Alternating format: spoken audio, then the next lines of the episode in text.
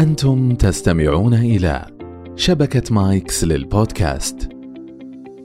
السلام عليكم. أنا محمد العدساني وهنا لقاء قهوة بيتسبرغ. أه قبل أن أعرف بضيفي أحب أن أشكر الملحقية الثقافية السعودية في أمريكا على دعمها المتواصل لجميع لقاءات قهوة بيتسبرغ. أيضا لا أنسى أن أشكر أه منتجين لقاءات قهوة بيتسبرغ أه شبكة مايكس البودكاست. تجدون جميع اللقاءات السابقة واللقاء الحالي وأيضا اللقاء القادم إن شاء الله في جميع منصات البودكاست. أيضا أحب أن أشكر الرعاة الإعلاميين أه وزملائنا في سعوديون في أمريكا على دعمهم الإعلامي للقاءاتنا. ضيف اليوم هو استشاري مخ وأعصاب متخصص ولديه عدة زمالات أو أكثر من زمالة في تخصصات دقيقة منها الصرع، تخطيط الدماغ، أمراض العضلات، الأعصاب الطرفية وغيرها. أيضا هو طبيب يعمل في أو طبيب زمالة وباحث في مراقبة الأعصاب في العمليات في مستشفيات جامعة بيتسبرغ أو المعروفة ب UPMC. معي الدكتور صالح القرني أهلا بك. حياك الله أبو عبد الله شكرا جزيلا على الاستضافة اللطيفة وسعيد اكون معكم اليوم. أتمنى اللقاء يرتقي لذائقة المستمعين ويجدون اللقاء شيق ومفيد. بإذن الله بمعيتكم. سؤال مهم في موضوع يعني علم الأعصاب. أجد إنه موضوع علم الأعصاب يعني متداخل بشكل كبير مع مع أمراض كثيرة أو مشكلات كثيرة داخل جسم الإنسان. على سبيل المثال لما يصير في مشكلة في العضلات أو مرض في العضلات أو تعب في أحد العضلات يرشدوننا إلى العودة والرجوع إلى طبيب الأعصاب. مشكلات الدماغ بشكل عام، مشكلات الأعصاب الطرفية، مشكلات القلب أحيانا، الجلطات، دائما طبيب الأعصاب متداخل في هذه القضايا.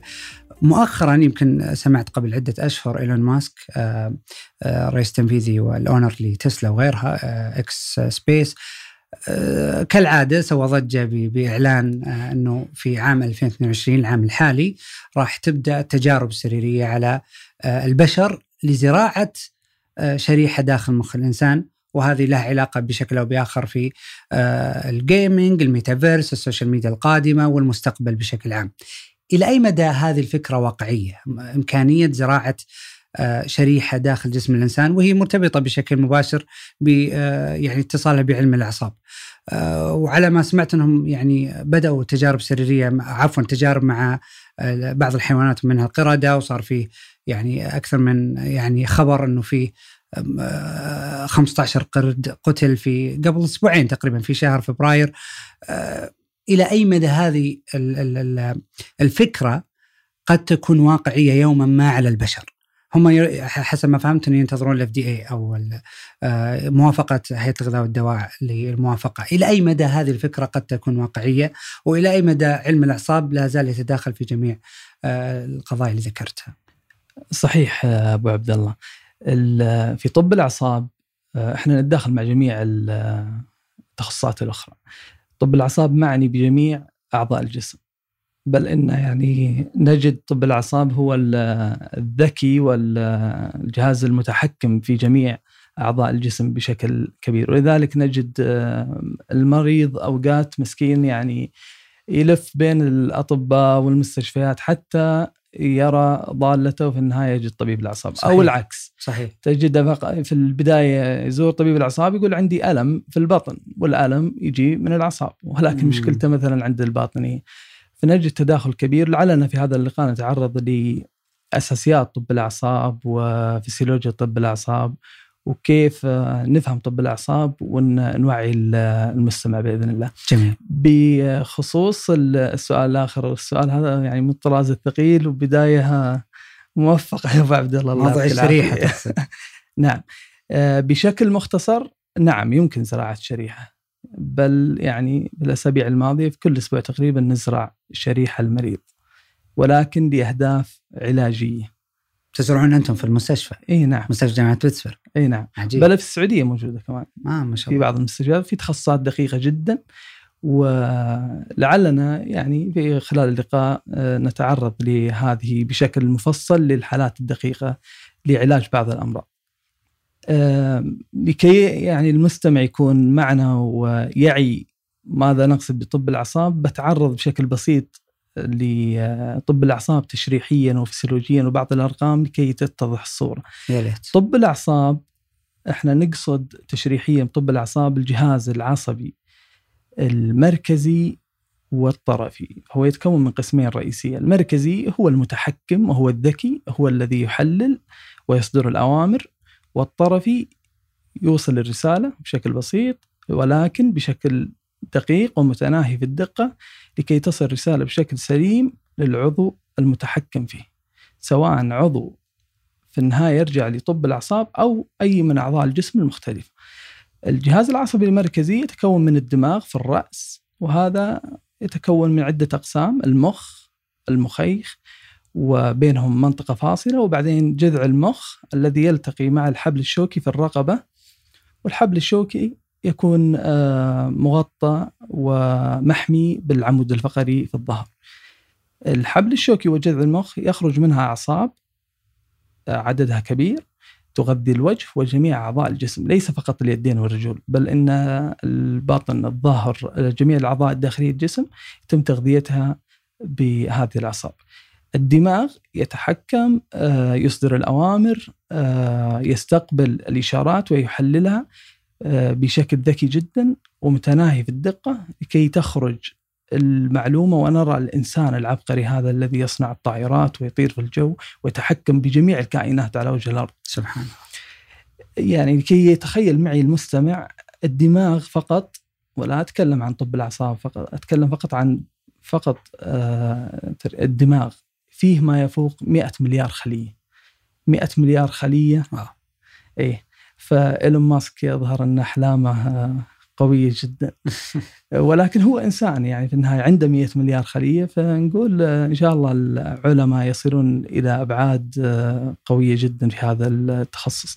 عندنا 100 مليار خلية كل مجموعة تتكلم بشكل معين ولكن تتحدث مع المجموعة الأخرى بشكل متناغم ودقيق جدا بحيث أنه الإنسان في لحظة من اللحظات ممكن يستقبل إشارة في أقل من ثانية ويفهم ويفكر في أكثر من شيء في نفس الوقت ولكن ما يطلع كل شيء يفكر فيه يطلع شيء محكم ويناسب مثلا البيئة اللي هو جالس فيها هذا. كله في تناغم عجيب وقوي جدا لو رجعنا لتاريخ طب الأعصاب على أساس نربط ما بين التاريخ وكيف الإنسان كان يتعايش وكيف البشر كانوا يتعايشون مع مريض الأعصاب والمعالجين القدامى ووين وصلنا الآن؟ لعل المستقبل يكون مبشر بإذن الله.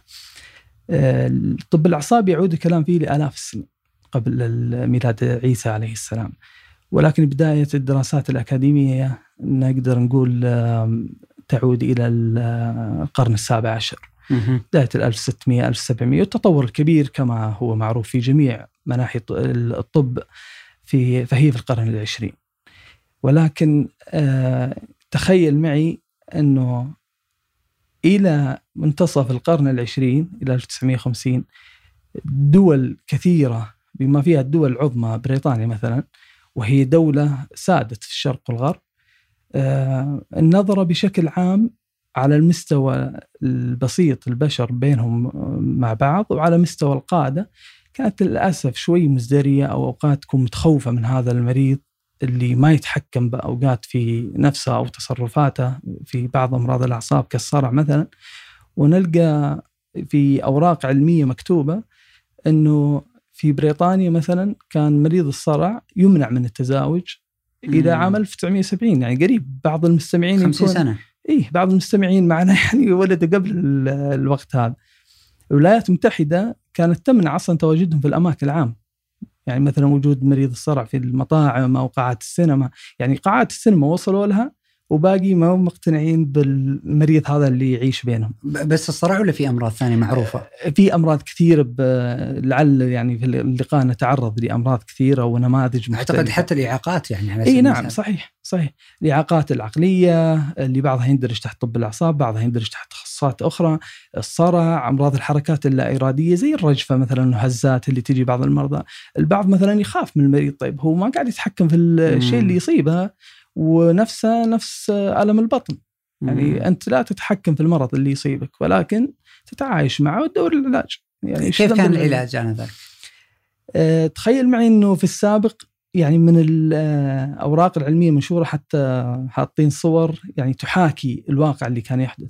مم. كان مثلا يتخيلون إنه المريض ليس فقط يعني في مجتمعنا إحنا نسمع كثير في مجتمعنا مثلا بإنه يتلبس به جان أو شيء. صحيح. ولكن في المجتمعات هذه اللي نعتبرها نوعا ما تقدمت علينا وحضارتها تفوق المئات السنين كانوا يربطون المريض وبعدها بدون أي تخدير أو أدوات يعني حديثة يبدأ النقب في الرأس. يا ساتر. والهدف النقب على أي أساس؟ الهدف إنهم بيخرجون الشيطان اللي في رأس المريض وبذلك يخرج. آه، هذا قريب يعني هذه نقدر نقول في آخر 300 سنة كانت تعمل. عجيب آه، وفي أوراق علمية لهذا الشيء. ال- للأسف في في واقعنا أو في منطقتنا وثقافتنا كان عندنا مثال أعلى جميل جدا من أكثر من 1400 سنة الرسول اللهم صل وسلم عليه في حديث أم زفر. أم زفر آه هذه امرأة سوداء. لكن تتخيل تقبل الرسول الله صلى الله عليه وسلم عليه. لها كامرأة سوداء ومن ثم مريضة. ففي الحديث عن عطاء بن أبي رابح يقول عطاء قال لي ابن عباس ألا أريك امرأة من أهل الجنة؟ يقول غريب يعني. إيش اللي فجأة كذا توريني امرأة. فقلت بلى. قال هذه المرأة السوداء أتت النبي صلى الله عليه وسلم فقالت إني أسرع وإني أتكشف فادعوا الله لي. فقال إن شئت صبرت ولك الجنة وإن شئت دعوت الله أن يعافيك ما قال لها هذه منفية واعزلوها وهذه ليست منا مم. فقالت أصبر فقالت لكني أتكشف فادعو الله لي فدعا لها ألا تك... ألا تتكشف.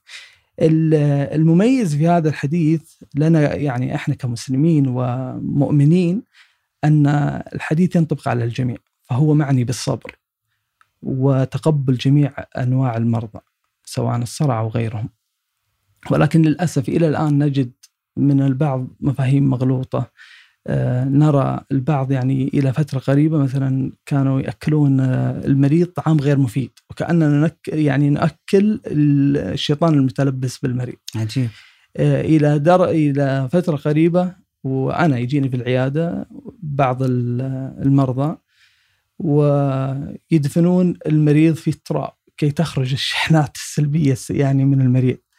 عجيب. ولكن يعني ليست بالطريقة هذه فليست موجب وسالب وبالشكل البدائي هذا ولكنها تركيب معقد وعلى مستوى خلايا معقدة ومتناهية الصغر وليست بالطريقة التي يعني يتخيلها الجميع كهرباء. كان العلاج الكي أعتقد كان جزء من العلاجات ولا لا؟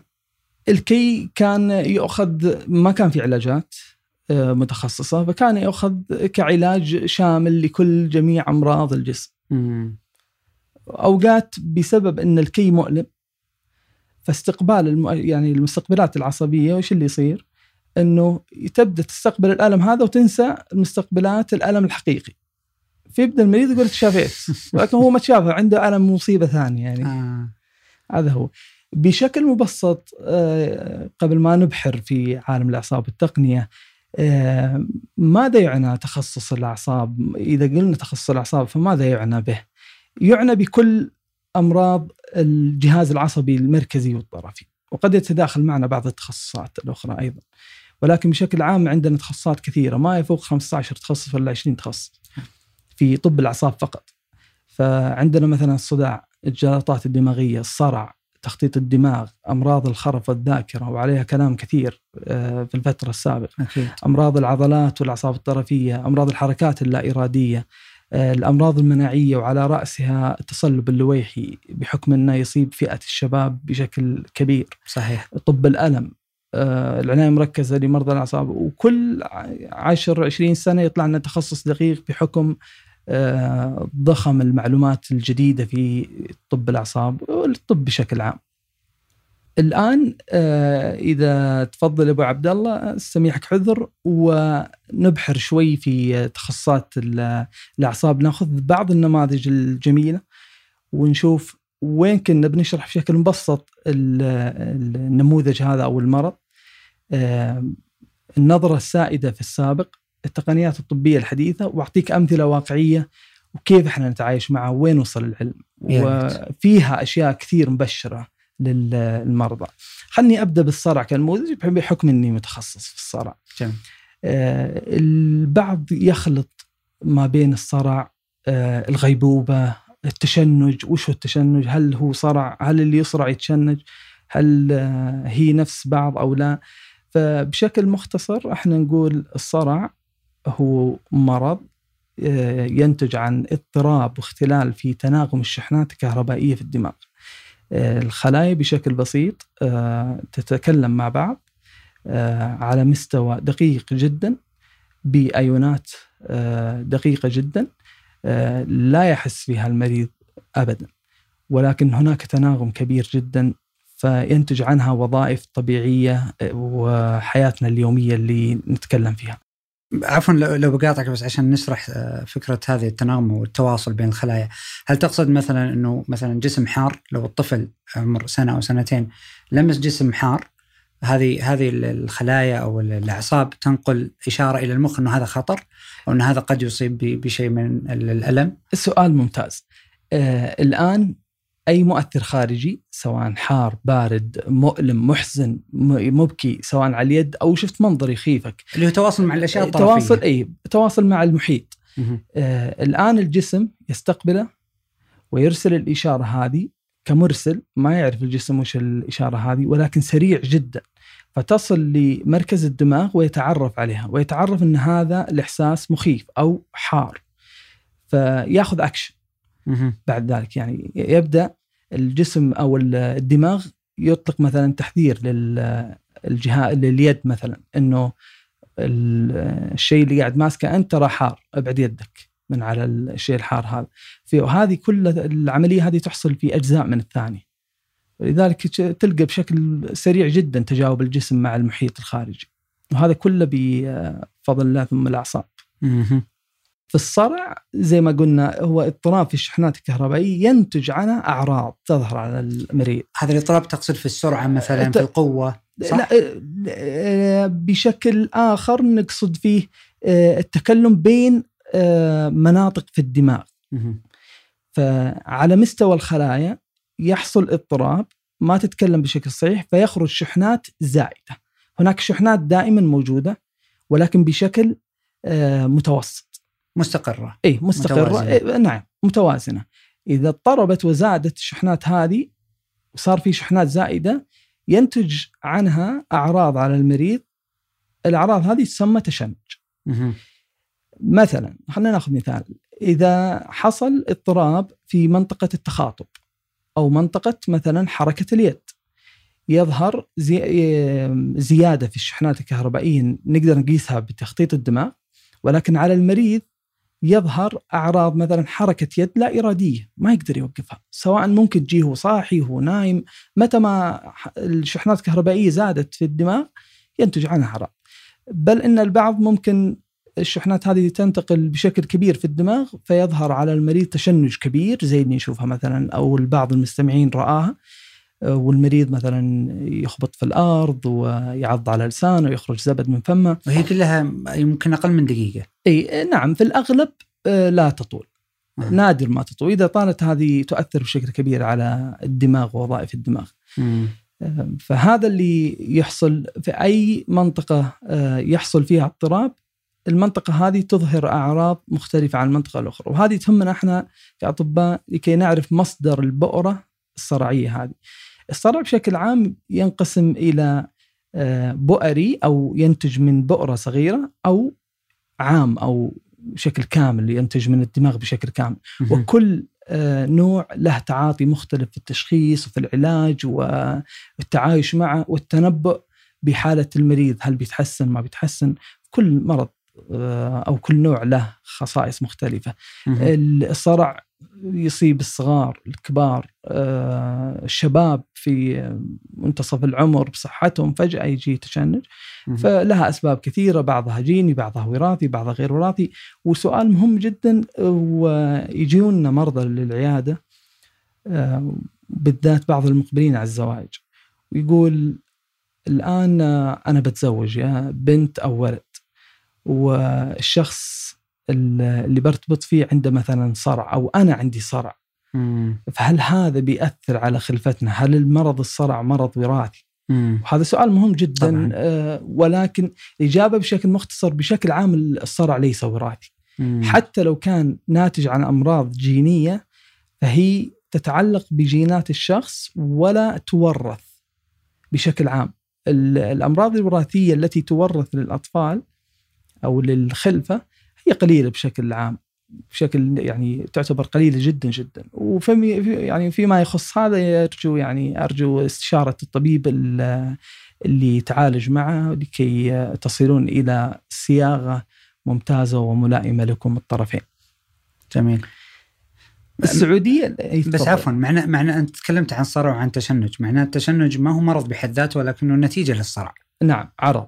الصرع يعني كمان في الصرع نفسه هو كما يسمى كما نقول يعني عن ال- عن الصداع مثلا مم. إحنا نقول صداع ولكن الصداع عرض لمرض الصرع بشكل عام أصلا هو عرض لأمراض دقيقة وأسباب مختلفة كثيرة جدا جدا عندنا فوق ما يزيد عن 100 سبب للصرع مم.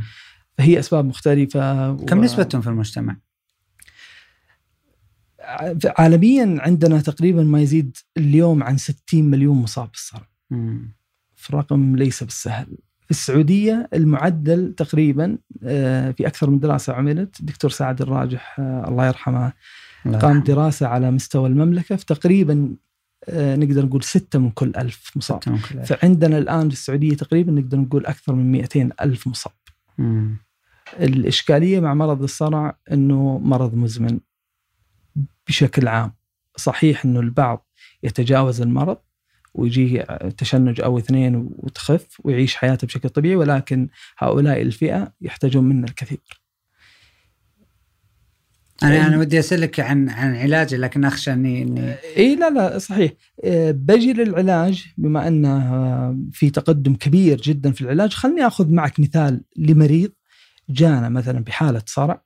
خلينا نقول آه، فلان عمره 25 سنة حياته طبيعية وفجأة جاته حالة تشنج. راح للطبيب. قصدك هذه لأول مرة؟ إي لأول مرة.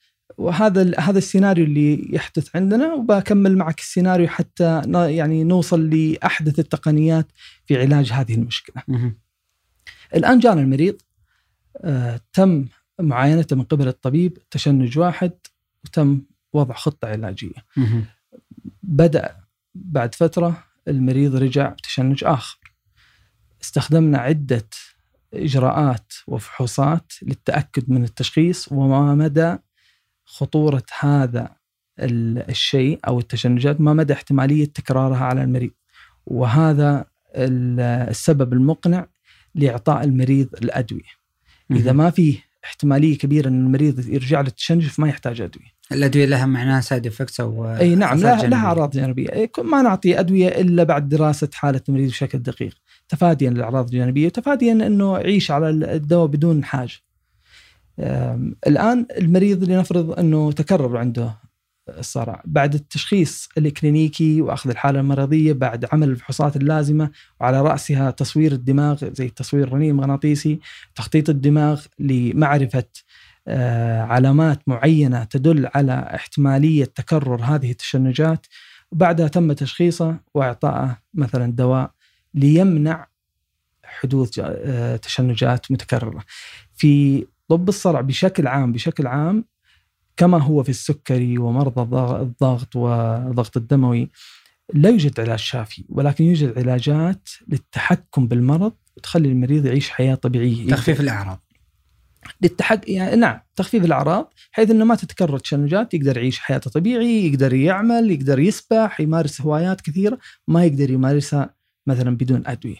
الآن لنفترض هذا المريض اللي معنا بعد عدة سنوات وتجريب أكثر من دواء باقي تجي تشنجات. هنا نصل إلى مرحلة إنه نبدأ التقييم الجراحي الدقيق. ننوم المريض معنا في المستشفى لمدة خمسة إلى سبع أيام.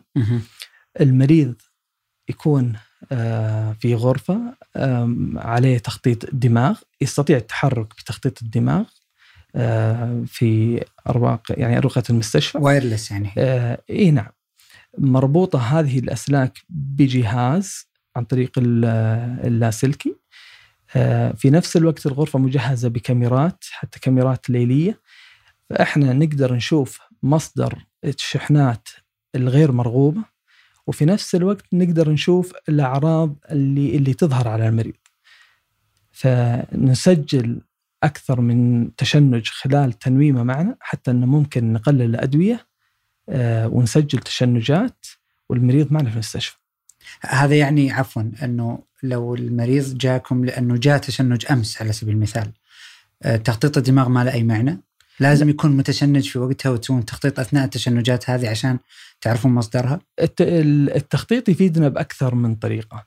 آه، إذا المريض ما عنده تشنج الآن فيظهر علامات معينة تقيس وظائف الدماغ وبعض العلامات آه، تعطينا احتمالية تكرر احتمالية كبيرة أنه المريض هذا راح تتكرر عنده تشنجات أو أنه هذا الشخص عنده تشنج عنده مرض معين من أنواع الصرع. فهذا يحتاج تعطي هذا المؤشر. إيه نعم. آه، وقت التشنج لو تم تسجيل ال- الت- يعني الشحنات الغير مرغوبة أثناء وقت التشنج فهذا شكل يعني هذا بشكل مثالي جدا إحنا نتكلم. وفي العادة ما يحصل هذا الشيء. ما يحصل إلا وقت التنويم في لأنه المستشفيات. يحدد مكان بالضبط مكان الشحنات بالضبط. يراها وقت ما تخرج هي ويرى كيف تتحرك. الشحنات هذه بشكل مغاير تماما وتظهر بطريقة معينة و pattern معين كتشنج. نقرأه هذا اسمه تشنج كهربائي. غير عن الشحنات ال- أو العلامات اللي نقرأها في أوقات مختلفة. فالمريض بعد ما يمضي يعني يجلس معنا مثلا أسبوع نرجع المريض على الأدوية آه، الفريق آه، من عدة تخصصات تخصص مثلا طب الصرع وتخطيط المخ ممرضين منسقين كلهم متخصصين في هذا الشأن طب آه، جراح المخ والأعصاب متخصص في جراحات الصرع. ونبدأ تقييم حالة المريض الفلاني هذا اللي عمره مثلا 27 أو 28 سنة في هذا الوقت. آه، نرى التشنجات اللي تحصل مع المريض على الفيديو ونراجعها كاملة. نرى مصدر الشحنات الغير مرغوبة وثم نتخذ الإجراء. نفترض أنه المريض عنده بؤرة صرعيه مثلا في منطقة التخاطب ومنطقة مثلا حركة اليد. هذه المناطق حساسة. أنت ما تقدر تروح مثلا وتشيل تستأصل هذه البؤرة إلا إذا كانت صامتة أو غير مفيدة للمريض. ولكن في هذه الحالة مثلا قررنا إنه بنروح مثلا للإجراء الجراحي. في هذه الحالة نتخذ إجراء آخر مثلا إنه لابد من تواجد فريق مراقبة الأعصاب ووظائف الدماغ أثناء العملية. مم. يتم تجهيز المريض يتم تجهيزه نفسيا آه، يعني في مؤشرات كثيرة إحنا نتعامل مع المريض فيها لكي يكون جاهز لغرفة العمليات. آه، إنه في احتمالية مثلا إنه المريض يصحى معنا أثناء العملية تحت التحكم الكامل بالألم يا الله ويب ونبدأ آه، في قياس وظائف الدماغ والتكلم وفحص المريض أثناء العملية. هذا سيناريو أفضل من لو كان في في وضع غير واعي يعني لو كان غير واعي. طبعا في بعض واعي بالألم. إيش الأفضل كسيناريو لك كطبيب؟ السيناريو الأفضل انه المريض ما يصحى. آه، لأنها مزعجة للمريض إلى حد ما. ولكن في حالات دقيقة أنا بعطيك السيناريو الأصعب ولكن لكي تتخيل معي وين وصلنا في التقنيات الطبية. الأغلب إنه. المريض ما يصحى معنا. إحنا نعرف مكان البؤرة الصرعية هذه. البؤرة الصرعية هذه يتم قياس وظائف الدماغ أثناء التنويم معنا. باختبارات دقيقة جدا وعن طريق فريق آه، قياس وظائف الدماغ وسيكولوجية الدماغ ووظائف النفسية مهم. وبعدها نرى أنه هذه المنطقة مثلا لو تم استئصالها ما بتأثر بشكل كبير على المريض مقارنة بالفائدة المرجوة مهم. ولكن السيناريو حقنا مثلا أنه كانت البؤرة الصرعية أو لا سمح الله ورم أو التهاب في هذه المنطقة ونشوفها كثير الآن المريض يتم تخديره فتح قشرة ال- الرأس والبدء بوضع الأقطاب الكهربائية على المنطقة ال- ال- منطقة البؤرة الصرعية. ونبدأ الآن نصحي المريض مع التحكم الكامل بالألم هذا تدخل جراحي لكن ما هو استئصال صحيح؟ آه، في نفس الوقت آه، نستأصل. هذه كبداية. الآن يصحى معنا المريض. المستقبلات أو الشرائح آه، الأقطاب الكهربائية موضوعة على دماغ المريض على البؤرة الصرعية. والمريض صاحي معنا في فريق يتكلم مع المريض آه، زي ما تقول يعني نشغل المريض آه، في منطقتين التخاطب مثلا وحركة اليد لو افترضنا أن البؤرة ناتجة من هذه المنطقة. عفوا كم حجم البؤرة لما تقول بؤرة قد تك قد تكون بالمليمتر قد تكون كبيرة جدا. مم. فاوقات كبيرة يعني سنتي اوقات أوقات نستأصل ما يزيد عن مثلا كف اليد. يا ساتر. للأسف يعني. ولكن مم. أوقات تكون البؤرة صغيرة ويتم استئصالها بشكل صغير، فعلى حسب آه، وضع المريض وبعد التقييم الكامل. وهل هل دخل بال يسمونه ال early intervention ولا اللي هو التدخل المبكر ولا ما له علاقة؟ قد آه، تكون هذه على حسب لاحقة. على حسب الحالة، في بعض الحالات مثلا لو أورام أو التهابات التدخل المبكر مفيد جدا وأفضل مم. لكي لا تتغير الخلايا المحيطة وتصبح خلايا قابلة لاصدار شحنات غير مرغوبة. مم. ولكن آه، في مثل هذه الحالة إحنا الآن بدأنا نفحص المريض أثناء استئصال هذه البؤره. الجراح يرسل إشارات كهربائية وإحنا نتكلم مع المريض. مثلا المريض يعد من واحد إلى عشرة. في هذا الوقت إحنا نصدر إشارات كهربائية، الجراح يصدر إشارات كهربائية في منطقة البؤره. إذا المريض ما انقطع عنه الكلام أو ما تغيرت وظائف اللغة عنده والتخاطب يتم استئصال هذه المنطقة فهي غير ضارة. ولكن لنرى أوقات إنه نستأصل نستأصل ومن ثم نبدأ نلحظ إنه المريض مثلا بدأ يتلعثم أو بدأت مثلا هذا آه مشكلة منطقة التخاطب. اي فاحنا الآن وصلنا لمنطقة حساسة ما نقدر نستأصلها فنوقف على كذا. وننهي وبعدين نعيد تخدير المريض نكمل العملية بشكل كامل ونخرج. بشكل عام وهذا الشيء مبشر الحمد لله وموجود عندنا الآن في السعودية في أكثر من مركز. عمليات جراحة استئصال البؤر الصرعية بشكل عام نسبة نجاحها ما يفوق ال 50%، بعض العمليات فوق ال 70 80%. فحتى المرضى اللي نسبة النجاح عندهم مثلا 50% فإحنا نتكلم إنه تغير جذري تماما في حياة المريض، المريض إذا كان يتشنج مثلا ثلاث أربع مرات في الأسبوع هو الآن يتشنج مثلا مرة في الشهر أو مرتين والتشنجات تكون خفيفة وممكن المريض يعرف إنه راح يتشنج فيتفاداها. أنا مستغرب أنت تقول الحمد لله ومبسوط وفوق ال 50%، 50% معناها في 50% ثانية إنه آه، ال 50 هو هو مو بالطريقة مو ما نحسبها بالشكل هذا. ال 50% يتم التحكم بشكل كامل بالتشنجات، مم. يعني أكثر من 70% المريض يخرج ممكن يجلس على بعض الأدوية ولكن ترجع حياته تماما بصفر تشنجات تخيل آه شخص مقاوم للأدوية ومن ثم يعيش حياة بصفر تشنجات. مم. بعضهم يرجع لممارسة حياة بشكل يعني مختلف تماما يعيش حياة طبيعية.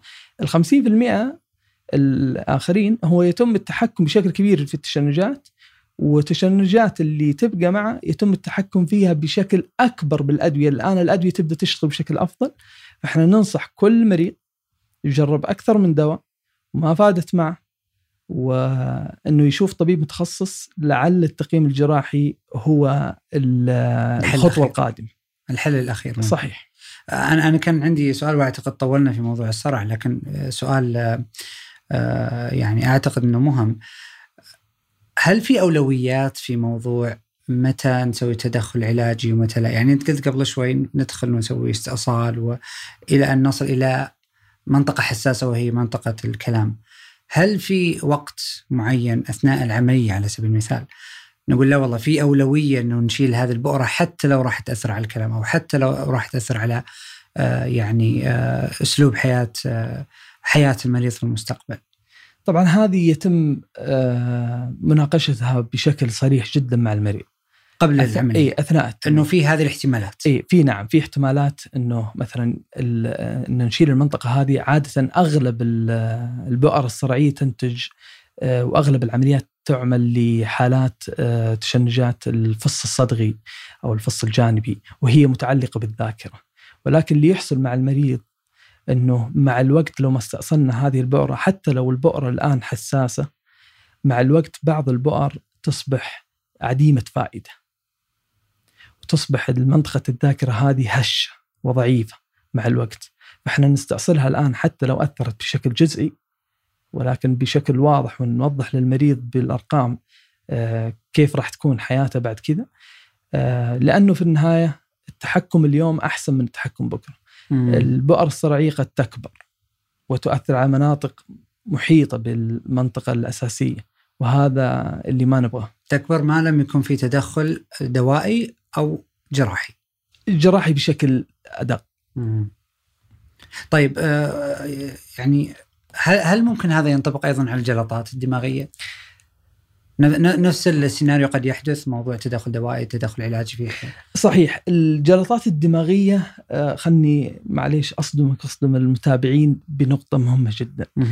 آه، الجلطات الدماغية مع عظم تأثيرها إلا أن الوعي آه، للأسف قليل جدا.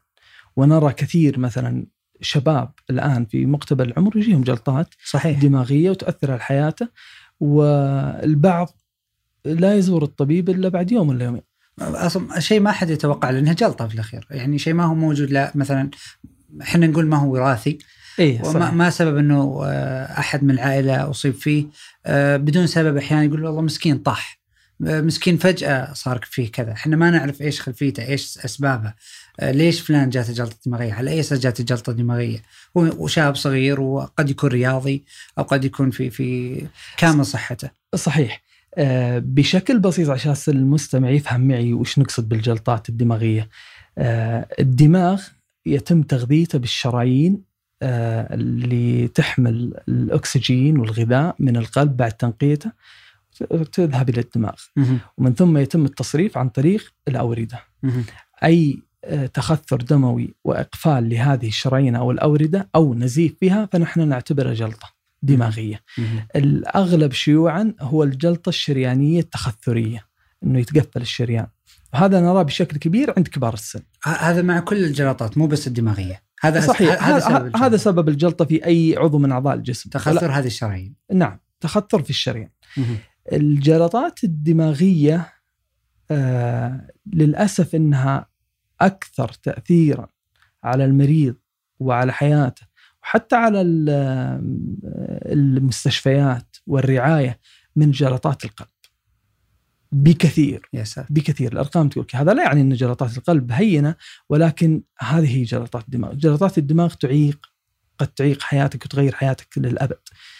القلب جلطات القلب مع أهميتها إلا أنه نقدر في الأخير نستأصل القلب نزرع قلب، مم. لكن في الدماغ ما تقدر، خلاص اللي راح راح وانتهى. يكون آه، ميت دماغيا آه، أو شلل. الج- الجزء اللي أصيب بالجلطة لا يعود.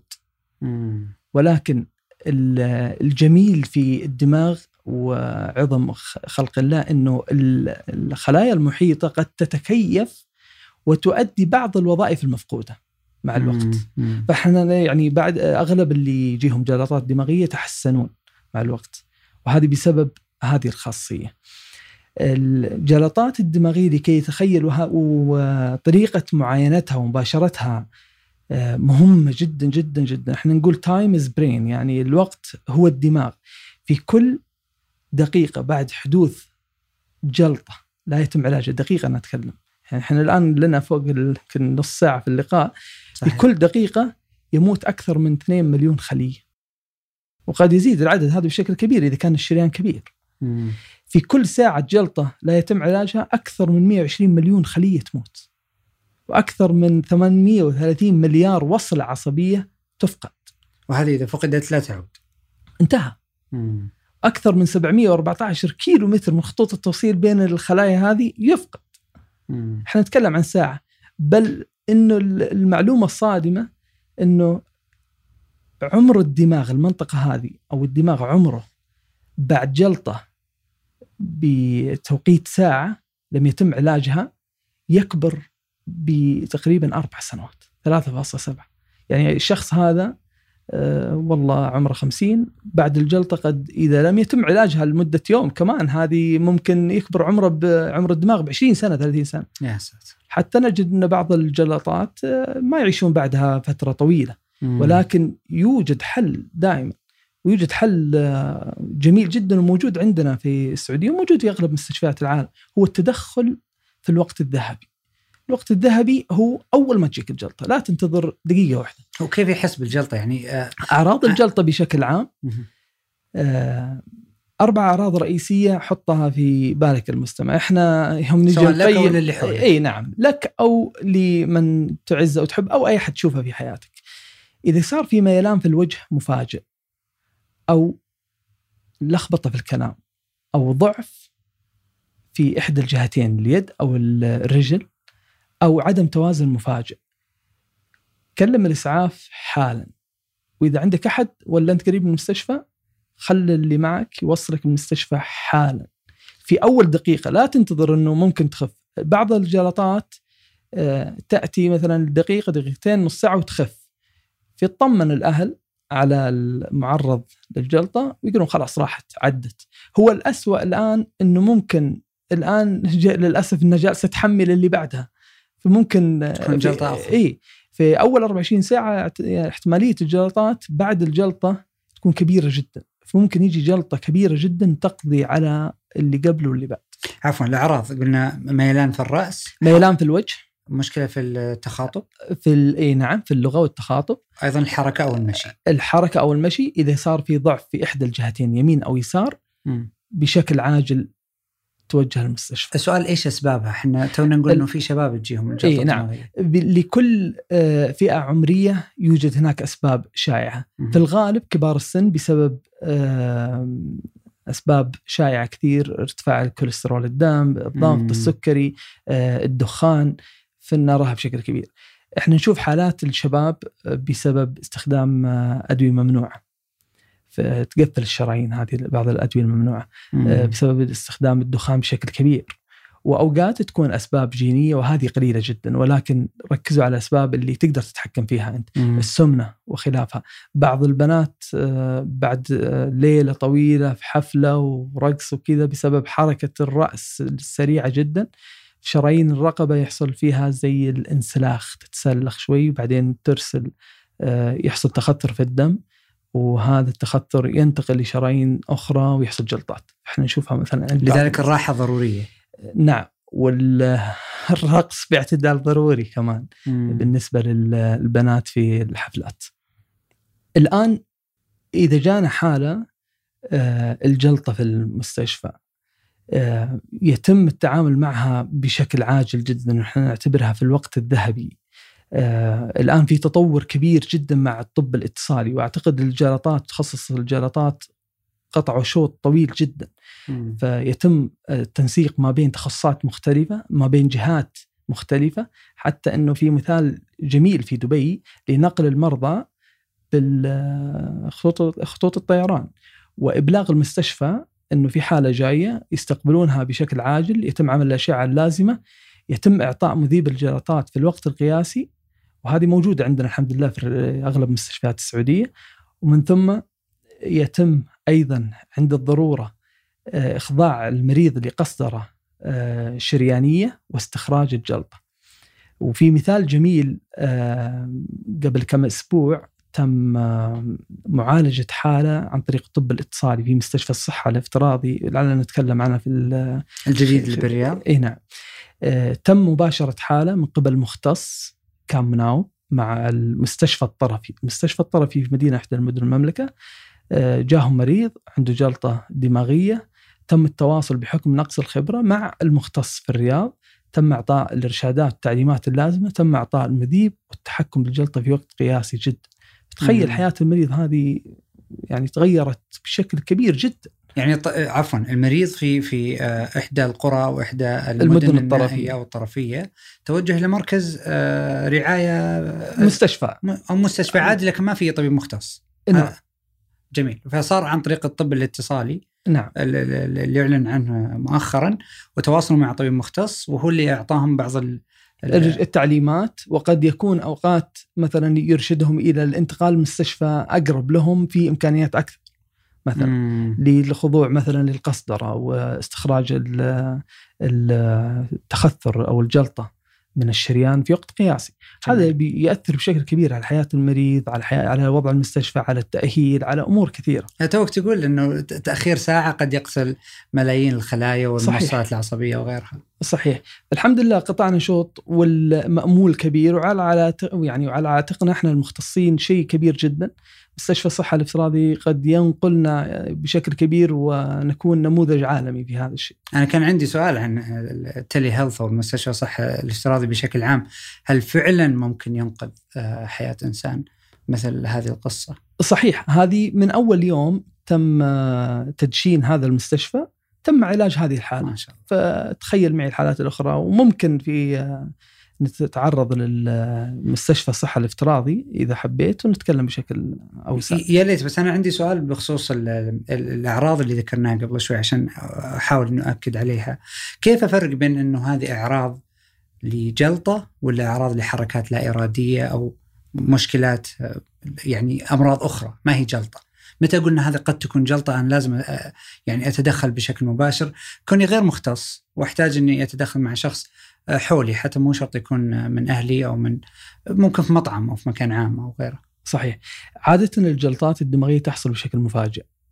الحركات اللا إرادية تكون مع المريض لفترة طويلة المريض عايش بالرجفات الهزات هذه تكون مع المريض بشكل مزمن.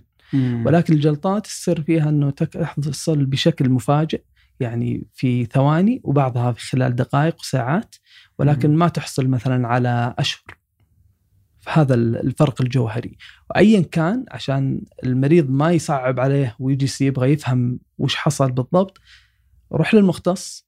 وبعدها الأمور كانت جميلة والأعراض بسيطة الحمد لله. حصل لا سمح الله إن هناك جلطة فعلى الأقل إنك أنت وصلت في الوقت المثالي. هذا هو. قد يقودنا سؤالك هذا للحركات اللا اراديه مم. على أساس نعرف نفرق بينها. الحركات اللا اراديه آه هذا تخصص كبير جدا وعلى رأسها يعني نجد بشكل كبير جدا والجميع أتوقع يمكن شاف في حياته أو هو عنده مثلا رجفات أو هزات أو رعاش بسيط في اليد. مم. أوقات يوم نكثر قهوة يجينا رعاش بسيط في اليد، هذا طبيعي ما لم يؤثر على الوظيفة فهذا يعتبر مرض.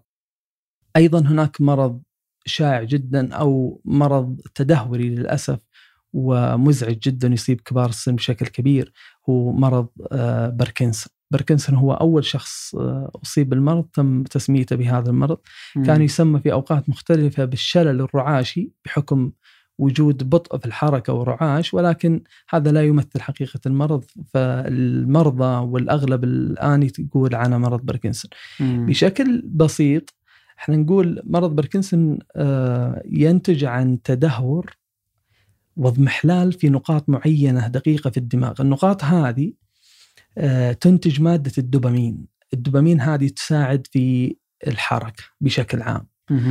آه الآن الدماغ يرسل منطقة الحركة ترسل إشارة أنه اليد اليمنى تحركي ولكن لازم تمر في آه مراكز أخرى للتحكم بكيفية الحركة. فهذا المرض الإشكالية هي في كيفية الحركة وليس في مركز الحركة. مركز الحركة سليم ولكن كيفية الحركة والتنظيم على أساس بس المستمع يكون يعني تكون الموضوع سهل عليه. التنظيم يكون متعطل. فأوقات ما يقدر يتحرك المريض بسبب إنه التنظيم خاطئ. فعند نقص المادة هذه تظهر على المريض أعراض آه، مختلفة وكثيرة جدا وقد لا يشخص إلا بعد سنين من الأعراض ولكن بشكل عام يوجد أربع أعراض رئيسية. وهي آه، رعشة في إحدى اليدين هذا بشكل كبير نراه عند المريض. آه، وقت السكون تختلف عن الرعشة اللي نشوفها بشكل عام عند الشباب. هذه وقت السكون يوم يحرك يده تختفي الرعشة لكن تكون يده هادية يكون فيها رعشة. بطء في الحركة عدم توازن بحيث أن المريض ممكن يطيح وتخشب المريض يحس أنه متخشب ثقيل مم. ما يقدر يتقلب في السرير وأعراض كثيرة أخرى. العلاجات التشخيص عادة يكون اكلينيكي ممكن نستعين ببعض آه، الإجراءات كتصوير الدماغ للتأكد ما يكون هناك مثلا جلطات أو مسبب آخر ولكن مم. هذا مرض تدهوري وضمور في هذه الخلايا آه، تشخيصه كلينيكيا بشكل كبير تحت المتخصص وليس غير المتخصص يعني تخطيط القلب قد يظهر هذه المشكلات أو قد يعني تخطيط القلب عفوا تخطيط الدماغ آه، لا لأنه تخطيط الدماغ يعنى بقشرة الدماغ ومناطق مختلفة عن المناطق المعنية هذه. هذه مناطق دقيقة في في قاع الدماغ.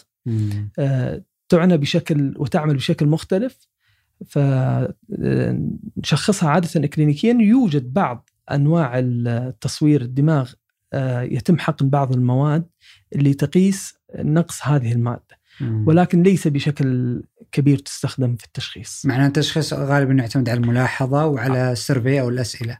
نعم، إيش إيش صحيح. الأعراض التاريخ المرضي والفحص الإكلينيكي جميل. الآن العلاجات بشكل عام ولعلنا نجي لإيلون ماسك والشرائح في هذا المرض. تعو... إحنا نعوض نقص المادة الدوبامين بطرق مختلفة سواء نعطيه الدوبامين نفسه أو نعطيه مادة تمنع تكسر الدوبامين في الجسم ولكن مع الوقت بحكم أن المرض تدهوري فيجي وقت المريض مثلا بعد ثلاث أربع سنوات من التشخيص التدهور مهم. فإحنا نخضعه أيضا للتقييم الجراحي. ننوم المريض معنا ونقيمه جراحيا بفرق مختصة في هذا المرض. آه، جراح مخ وأعصاب متخصص فقط في جراحات ال- أمراض الحركات اللا اراديه، مهم. طبيب مخ وأعصاب متخصص في الحركات اللا اراديه ومرض باركنسون، منسقين وممرضين متخصصين في هذا النوع من الأمراض. آه، أشهر الإجراءات الجراحية اللي يخضع لها المريض في هذا النوع اللي هي عملية نسميها DBS deep brain stimulation أو استثارة وأعماق الدماغ اللي هي المنطقة الناقص فيها الدوبامين يتم استثارتها لإشا... لإيقاف بعض الأعراض والتحكم بها وإطلاق كميات أكبر من الدوبامين وبذلك يتم التحكم بالأعراض بهذه الطريقة. إحنا في السعودية عندنا أكثر من مركز يعمل هذا النوع من العمليات. آه الآن آه، يمكن الأسبوع هذا سوينا عملية في العلدي مثلا تطرق بشكل يحاكي هذا الشكل المريض. لهذه العملية. تم تقييم المريض تم دخوله بعد كذا معنا لغرفة العمليات آه، بعض ال- المدارس تفضل إن المريض يجلس نايم طول العملية وبعض المدارس زي المدرسة حقتنا مثلا نفضل إن المريض يصحى في وقت آه، محدد من العملية لاختبار هذه آه، اختبار الجهاز المزروع والتأكد من سلامة عمله المدرسة حقتنا تقصد في السعودية ولا في جامعة بيتسبرغ؟ في جامعة بيتسبرغ مهم. في السعودية قد ي... قد الطبيب أو الفريق قد يغير على حسب الحالة مهم. آه، الإجراء إنه ممكن يصحي المريض في وقت من الأوقات ولكن بعض المدارس تفضل إنه تعتمد بشكل كامل على إنه يكون المريض نايم على أساس تكون العملية أريح للمريض. الآن إحنا في هذه العملية يتم بشكل مبسط زراعة شريحة بسيطة في أعماق الدماغ باعتمادا على إحداثيات ثلاثية. فإحنا نعمل أشعة أو تصوير للدماغ وقت العملية. ويتم مطابقته مع الاشعاعات قبل العملية. ومن ثم من ثم يعني نحدد بشكل دقيق جدا بأجهزة دقيقة النقطة المستهدفة عادة ال- ال- الهدف لا يتجاوز حجمه أصلا 4 ملم 5 ملم. فإحنا نتكلم عن شيء دقيق جدا جدا جدا المنطقة المجاورة لهذا الهدف قد تكون حساسة جدا. فأنت ما تقدر يعني مثلا تحط مثلا الهدف هذا في طرف ال- المستهدف ممكن مم. يأثر بشكل آه، غير مرغوب على المناطق الحساسة بجانبه. الآن يتم بعدها تخدير المريض فتح فتحات بسيطة صغيرة جدا لا تتجاوز يعني السنتيمتر مربع. ويتم إنزال أقطاب كهربائية آه، في الدماغ. في هذا الوقت الأقطاب الكهربائية هذه موصلة بأسلاك لجهاز يقرأ حركة الخلايا عندما تت... عندما ينزل القطب الكهربائي على شاشات. يتم تكبير ال- الذبذبات البسيطة وإحنا نقرأها بشكل كبير. كل قشرة أو كل منطقة من الدماغ لها شكل معين وصوت معين. إحنا لما نستخدم الاحداثيات الثلاثية. أيضا نربط معها آه، معرفتنا بالشكل والصوت للمستهدف والخلية البسيطة في أعماق الدماغ. يتم إنزال الاقطاب الكهربائيه في هذا الوقت نصل إلى النقطة المستهدفة. إذا تطابقت كل الشروط وتأكدنا إنه الصوت الخلية وتعرفنا عليها إنه هذه الخلية المستهدفة في هذا الوقت نوقف نقول هذه النقطة المستهدفة. نبدأ في هذا الوقت نجرب طيب على المريض الآن. نطلق إشارات كهربائية في آه، مقدمة هذا القطب هناك مستشعرات ونقدر نطلق إشارات كهربائية. عشان تقيسون. على أساس نشوف تاثيرها على المريض. ونشوف هل هي بتكون حل ناجع يخرج فيه المريض أو حل لا. آه، فإحنا الآن نبدأ نفحص المريض. المريض صاحي معنا. آه، نبدأ نختبر يتألم في هذا الوقت؟ لا يتم التحكم بشكل كامل بالألم. آه، بل إن أغلب المرضى يعني لاحظتهم أنا في الفترة الماضية كلهم مثلا في الجامعة عندنا هنا في باتسفورد كلهم الحمد لله العملية تمشي بشكل سلس جدا كلهم صحي كامل وعيهم. كامل وعيهم. في البداية يتم التخدير حتى يتم آه، فتح الفتحه فتحه في في قشرة الرأس. مم. وبعدها أصلا مادة الدماغ نفسها آه، لا ما فيها مناطق ألم. لا يتم لكن قشرة الدماغ هي اللي فيها الالم لأنه مغطي بغشية تستقبل الالم الآن المريض لنفرض إنه عنده مثلا الشيء اللي مزعج المريض مثلا رعشة في اليد. نطلق إشارات كهربائية ونجد في نفس الوقت إنه الرعشة هذه وقفت. خلاص إحنا الآن تأكدنا إنه النقطة هذه ممتازة للمريض وبشكل جميل جدا حتى المريض تلقاه يفرح معنا وقت العملية ويبدأ يتغير وضعه. بس هذا في حال إن الرعشة مستمرة، طيب لو الرعشة كانت تجي يعني وتروح. تجي وتروح إحنا في في علامات أخرى ممكن نقيس فيها. جميل. يعني مثلا التخشب نقدر نقيس التخشب بحركة اليد. فيعني يوم نطلق إشارات نجد إن حركة اليد تصير الين فاحنا نعرف إنه بعد العملية المريض بتصير حركته مثلا أسهل وأحسن ويقدر يتحرك بشكل أفضل. كم شخص عادة يكون حول المريض؟ لأنه واضح إنه في ناس يقيسون، ناس يجربون، ناس يرسلون الإشارات. نقدر نقول آه، فريق التخدير عادة بالقليل واحد اثنين، فريق الجراحين عادة اثنين، فريق مراقبة الأعصاب اثنين، يعني ممكن نوصل فوق ال 10 15 شخص في غرفة العمليات، كلنا فقط لهذه العملية الدقيقة جدا جدا. عادة كم تأخذ وقت؟ آه التجهيز وقت انزال الأقطاب والقياس وهذه ما تأخذ وقت طويل جدا مم. يعني ما تجاوز الساعة ولكن الوقت تجهيز العملية والتخطيط وإنزال الأقطاب بشكل دقيق فحص المريض بعدين تنويم المريض هذه ممكن تتجاوز خمس ست ساعات سبع ساعات على حسب الحالة الآن بعد التأكد إنه إحنا وصلنا النقطة المستهدفة الصحيحة اللي تتحكم بالأعراض إحنا نبغى كمان نسأل المريض ونتأكد ما يكون في أعراض جانبية من المناطق المحيطة مم. إذا تأكدنا من كل ذلك خلاص إحنا نبدأ ننزل الشريحه الدائمه المقصودة بالزراعة نفحصها مرة أخرى وبعدها ننهي العملية ونقفل والمريض يتم برمجة هذا الجهاز باللاسلكي عن طريق إيصال أسلاك من الرأس لمنطقة الرقبة ووضع بطارية تحت الجلد غير واضحة في منطقة الرقبة. هذه الأسلاك دائمة.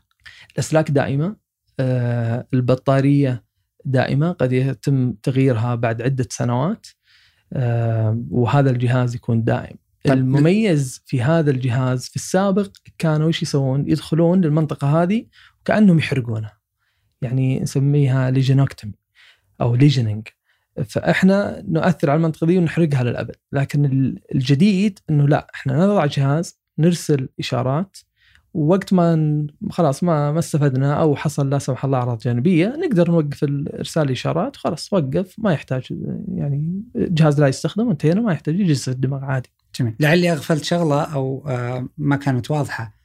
إيش دور الشريحة ودور البطارية الآن؟ okay زرعتوا شريحة وزرعتوا وحطيتوا البطارية اللي تبقى هذه الشريحة للأبد والبطاريات كل مثلا ثلاث أو خمس سنوات تغير البطارية لكن الجهاز مستمر عند الرقبة. إيش دورها الآن بعد العملية؟ الآن المريض يبدأ يراجعنا في العيادة. يتم برمجة الجهاز عن طريق آه، وضع جهاز كأنه ريموت على منطقة الرقبة. بعدين يتم التعرف على الكود الخاص بهذا الجهاز أو بهذه الشريحة بهذا المريض. يتم قراءة البرمجة لهذا المريض بالذات. هذه الشريحة إيش تسوي؟ هذه الشريحه نطلق عن طريقها أو آه، المستقبلات البسيطة هذه نطلق منها إشارات كهربائية بشكل مستمر كأنها تفرز مادة الدوبامين تعوض. هذا عفوا آه، هذا سؤال دقيق. آه، كل كم تطلقون؟ مين اللي يطلق؟ سؤال ممتاز جدا. التفاصيل البسيطة هذه أو الدقيقة جدا جدا قد ما تكون يعني مفيدة بشكل كبير للمستمع ولكن فيه طرق مختلفة لإطلاق الشحنات أو آه، إثارة هذه المنطقة وإشارات عصبية بأشكال مختلفة. ولكن بشكل عام إحنا إطلاق الإشارات يكون بشكل مستمر. قصدك حتى بعد شهور من مغادرة إيه المستشفى؟ لا لا هو هو باستمرار هو جهاز دائم. آه، المريض آه، يتم اليوم برمجته مثلا على درجة اثنين فقط. درجة بسيطة ومتحكمة بالأعراض. هذه الشحنات اللي تجي إيه بالشريحة بالضبط. بعد مثلا ستة شهور راجعنا في العيادة يقول والله بديت مثلا حركة السير ثقيل بدأت ترجع لي الأعراض فإحنا نرفع الأربعة مثلا مم. بعد وقت نرفع ونجد إنه والله بدينا نتحكم بالأعراض فهذا ال- الفكرة من وجود الجهاز والبرمجة المستمرة والمراجعه المستمرة في العيادة الإطلاق آلي يعني يطلق أي نعم، كل نعم. مثلا ثلاث ساعات مرة اي لا لا يطلق كل في الثواني والدقائق بشكل أوه. منظم ومبرمج بشكل كبير جدا عجيب.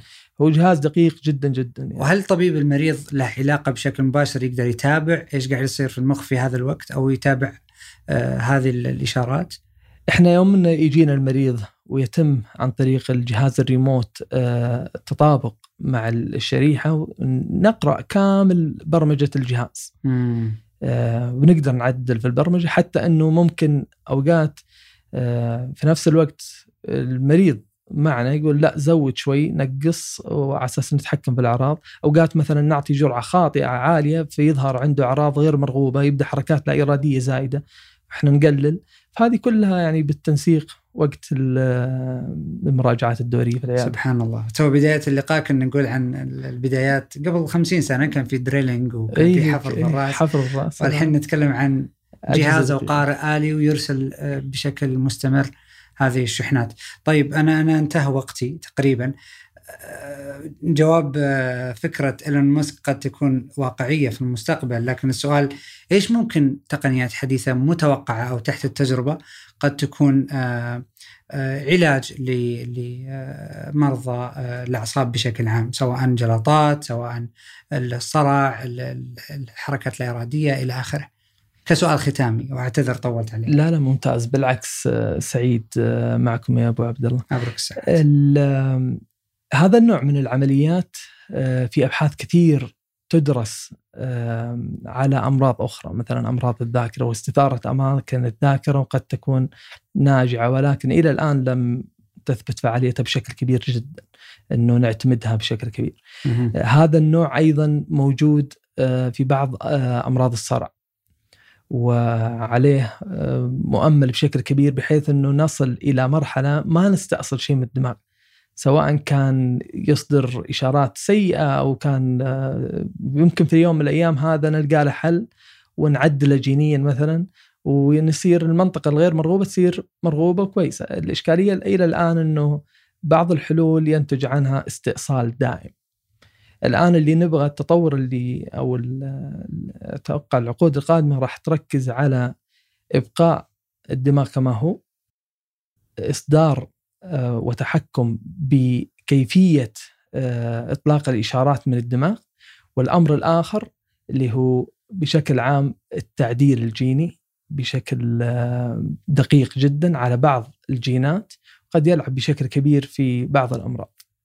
فأتوقع هذا هو المستقبل، طبعا يوجد أمراض كثيرة، يوجد تقدم كبير في كل الأمراض، يعني قد لا يتسع لنا أيام لنتكلم عن كل التخصصات، ولكن هذا بشكل موجز أساس نفرق ونشوف وين وصلنا ولعل القادم يكون أجمل وأفضل في السعودية مع التحول الكبير في القطاع الصحي. الله يعطيك العافية، خلني أختم بما أنك تكلمت عن التقدم في في المملكة.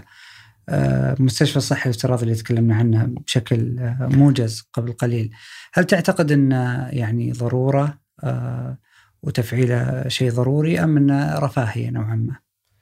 طيب ممتاز سؤال جميل وأتوقع أنه راح يلمس كل مستمع منا بإذن الله. بشكل موجز مستشفى الصحه الافتراضي تم تدشينه قريبا هو مستشفى واقع في مدينة الرياض لا يستقبل مرضى ولكن مجهز بكافة التخصصات كافة المؤهلين مهم. لمساعدة أكثر من 130 مستشفى حول المملكة. مهم. يخدم فوق 500 ألف مريض أو مستفيد في العام الواحد يخدم أكثر من 34 تخصص. الفكرة من هذا المستشفى الاعتماد على نقل الخبرات المتخصصة الدقيقة لأماكن نائية وبعيدة، المملكة كبيرة ومترامية الأطراف، وهذا المثال النموذج من التطبيب عن بعد موجود في عدة دول متقدمة ولكن بشكل محدود، هذا المستشفى سوف يكون الأكبر عالميا. ما شاء الله. آه، عندنا طموح كبير جدا، عندنا متخصصين تخصص دقيق جدا، أنا ما أحتاج إني أنا كمتخصص آه، أسيب مرضاي في الرياض أو في جدة وأروح المدينة الطرفية وأرجع ولا المريض العكس. خليني أقول لك كيف بيخدم مريض الأعصاب بمثالين بسيطة، مثال ذكرناه بشكل بسيط اللي هو كيف يعالج كيف يكون مباشرة كيف يتم مباشرة حالات الطارئة والاستعانة بالمتخصص. المثال الآخر أنه مريض يتابع معي في الرياض آه، لسنوات. يتابع. يتابع معي مثلا في الرياض لسنوات تم تشخيصه ولكن يعاني مثلا. آه، الآن لازم يحجز طيارة ويسيب أهله و... إنه انتقل من إيه؟ الرياض. بعضهم ينتقل ليعيش في الرياض. بعضهم يسافر مثلا كل ثلاثة شهور. وين يسيب أهله؟ وين دوامه طيب أموره. وبعدين في النهاية يقابل الطبيب مدة نص ساعة ويمشي. الآن اللي بيصير في إنه المريض يروح المستشفى مم. وهذا اللي يعني مصداقا لكلامك إنه ليس رفاهية لأن المريض مرتبط بمستشفى آه، المدينة اللي هو فيها، ما يقدر المريض يتواصل بشكل مباشر مع هذا المستشفى. وإلا لكان زي التطبيقات اللي نشوفها بشكل متسع جدا تطبيق عن بعد وبرستيج وبعضها قد يكون فعال ولكن في الأغلب لا تكون الخدمة طويلة المدى وفعالة بشكل مستمر. الشكل المميز في هذا المستشفى إنه المريض مرتبط بمستشفى المدينة اللي هو فيها بشكل مستمر الإرشادات والتعليمات اللي تجي من المتخصص في مدينة الرياض تذهب للمريض وللطبيب المعالج في المدينة الطرفية. فهو المريض دائما في أحد يتابعه لأن حالات تخصصية دقيقة ما يتابع نفسه فقط هو بنفسه.